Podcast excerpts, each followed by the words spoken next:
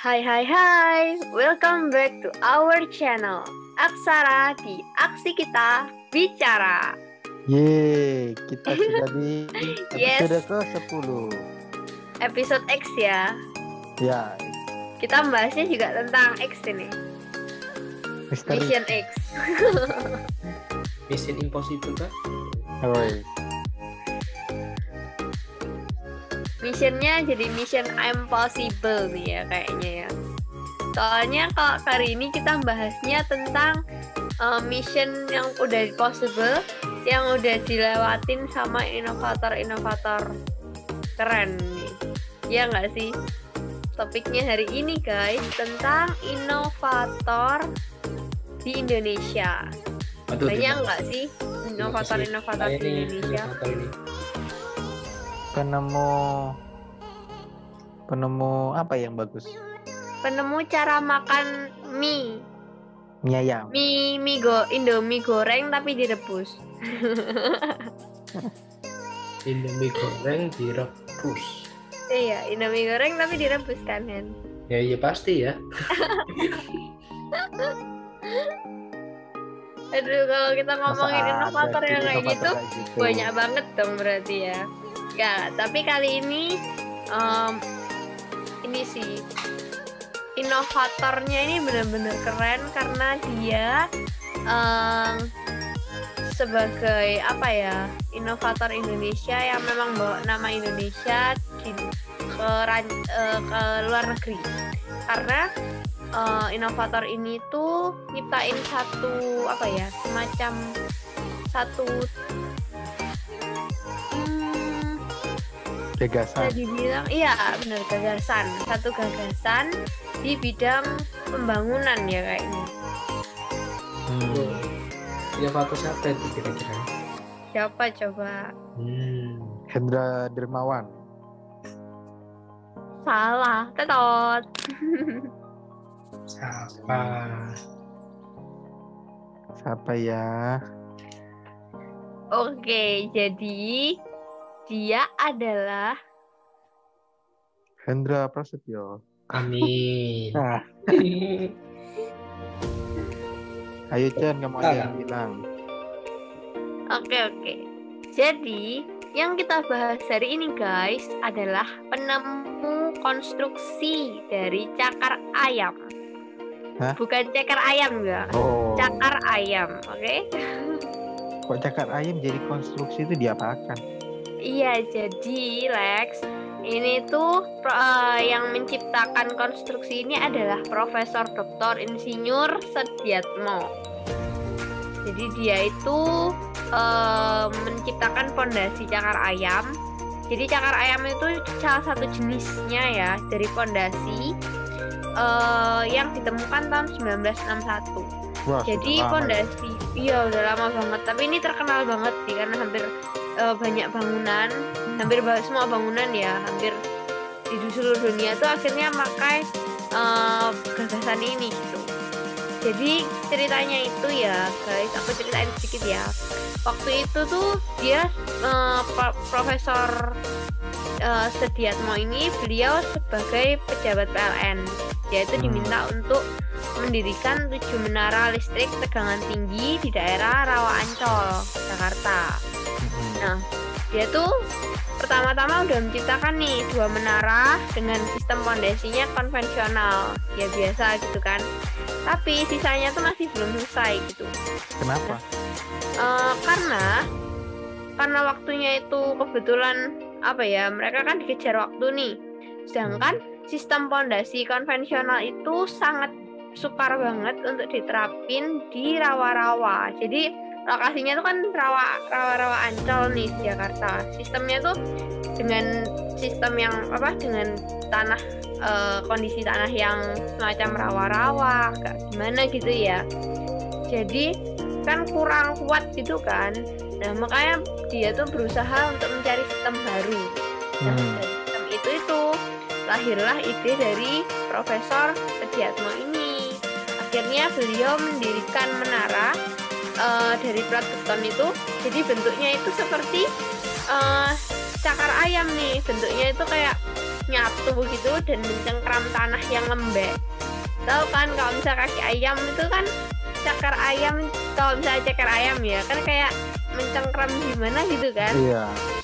nah dia tuh Oh. bikin uh, sistem seperti itu. Tapi namanya disebut cakar ayam fondasi cakar ayam. Gitu guys jadi sampai sekarang nih ya kerennya itu uh, akhirnya kan hak patennya tuh dipatenkan gitu kan. Iya. Eh, gagasannya dipatenkan akhirnya menara eh, menara-menaranya itu berhasil dibangun dan eh, hak patennya ini diakui sama eh, internasional. Dia dapat paten internasional di nggak cuma satu nggak cuma dua tapi di 40 negara. Keren banget kan mau disebutin satu-satu nggak nih Oh jangan kayaknya ya. banyak banget sih Nah 40 tapi ya, negara guys kalau kayak gitu berarti dia hebat sekali ya. Di waktu yang sempit dia bisa memikirkan suatu solusi yang bisa membantu banyak orang untuk konstruksi bangunan-bangunan di masa depan. iya Apalagi iya bener-bener. Di zaman itu kan ibaratnya informasi kan susah didapatkan. Dia bisa memikirkan kayak gitu aja sudah hal yang luar biasa. apalagi di waktu yang sempit ya Ya itu masalahnya. berarti sistemnya mendesak kan di Mm-mm. apa di waktu mendesak tapi gagasan itu muncul dan benar-benar bermanfaat banget gitu hebat banget ya orang Indonesia nih keren banget aku jadi keinget sama apa tau sistem SKS Iya benar. Semalam. dalam waktu yang sesingkat-singkatnya.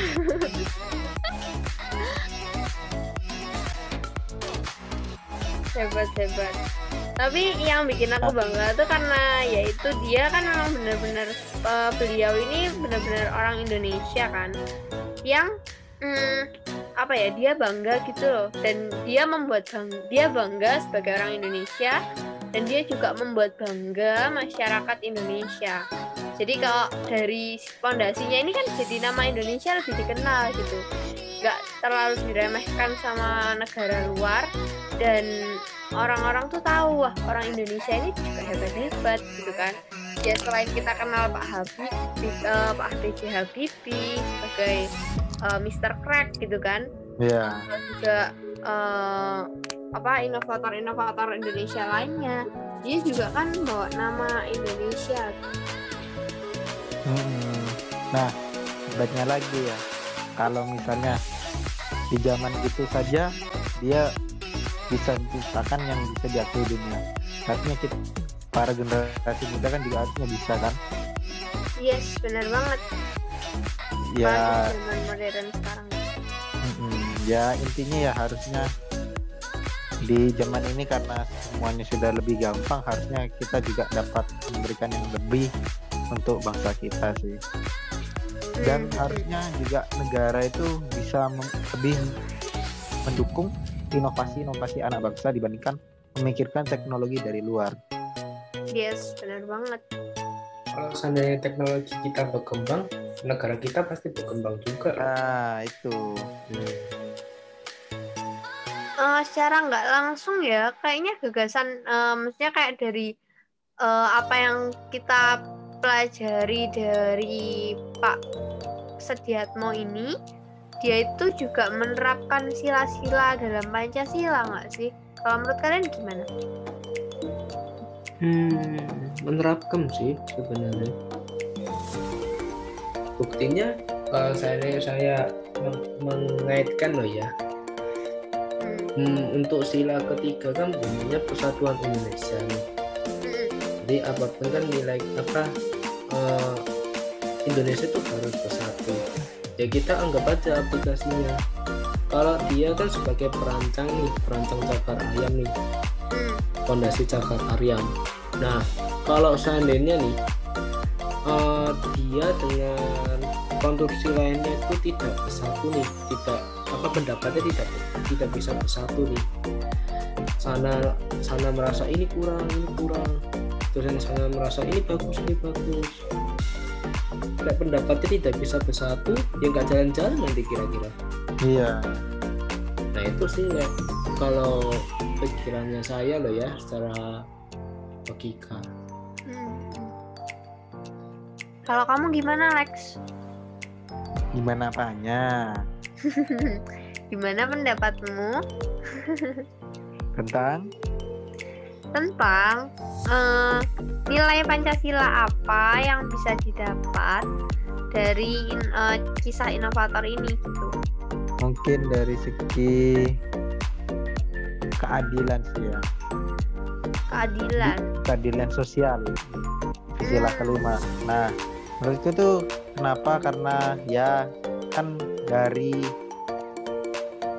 inovasinya ini dia memberi keadilan kepada setiap orang yang hidupnya tinggal di rawa-rawa atau apa tuh untuk bisa membuat konstruksi kan nah ini kan memberikan keadilan agar setiap orang yang tinggal di mana pun dapat bisa tinggal dengan aman dengan konstruksi yang nyaman begitu sih Ah iya iya.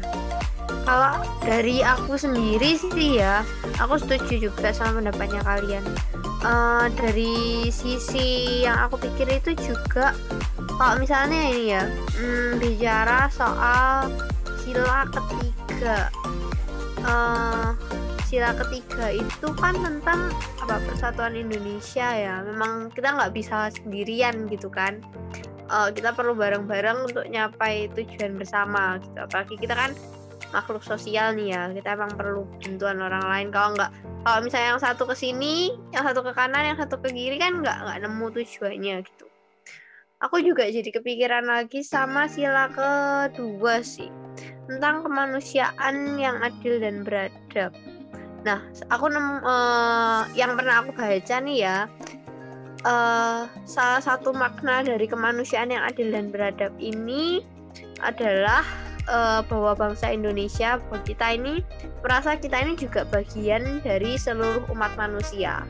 Nah, Hmm. yang aku bikin yang bikin aku bangga tuh eh, penemuannya dari penemuan konstruksi cakar ayam dari Bapak Sediatmo ini ternyata eh, apa ya digunakan gitu loh juga di hampir seluruh dunia gitu kan apalagi udah dapat hak paten dari 40 negara Nah, aku bangga aja karena eh, bangsa Indonesia apa ya dari hal yang ditemukan sama orang Indonesia ternyata itu juga benar-benar berguna gitu di luar di negara luar di internasional gitu. Jadi secara nggak langsung oh ternyata terpakai juga gitu loh. Ya ilmunya teori dan bahkan prakteknya kan. Itu tuh kayak kepakai banget gitu. Dan benar-benar nerapin salah satu sila dalam Pancasila yaitu kemanusiaan yang adil dan beradab. Hmm. itu guys. Mantap mantap. Mantap mantap. Jadi kesimpulannya Jadi, har- har- para generasi muda dan para pemerintah harus saling mendukung dan saling menginovasi agar memajukan negara kita semakin berkembang. Hmm, dan dulu kan yang telah lama tertidur dapat segera dibangkitkan. Gitu guys. Macan Asia yang tertidur harus segera bangun ya guys. Nah itu. Hmm. Iya iya. Dan eh, apa ya kita nih negara yang hebat negara yang besar. Eh, punya banyak orang hebat di dalamnya gitu. Kalau dari zaman dulu kita banyak tahu kalau dari eh, dari dulu baik Pak B.J. Habibie, Bapak Setiatmo ini kita tahu kita tuh punya orang-orang hebat gitu. Nah kita pun sebagai bangsa Indonesia sebagai umat manusia ini kita juga hebat dengan kelebihan dan kekurangan kita masing-masing kan. Jadi eh, ayo generasi muda kita jadi inovator-inovator penggerak. Kita ini sebagai penggerak bangsa, penerus bangsa, ya dengan apa yang ada, kecanggihan teknologi saat ini, kemajuan teknologi dan peradaban saat ini tuh kita juga harus jadi apa ya penggerak gitu ya kayaknya harus jadi penggerak untuk eh, apa ya bisa memba- membanggakan ya orang-orang di sekitar kita, membanggakan negara kita sendiri, bangsa Indonesia gitu kan. Dan benar-benar apa ya bisa eh, inovasi kita, gerakan kita tuh benar-benar bisa eh, apa ya membantu orang-orang luar gitu guys. Nah, pinter sekali. Tip. Mantul. Nah, sekian guys untuk episode kali ini. Kita berjumpa lagi di episode berikutnya. Dadah. See you. Terima kasih. Terima kasih.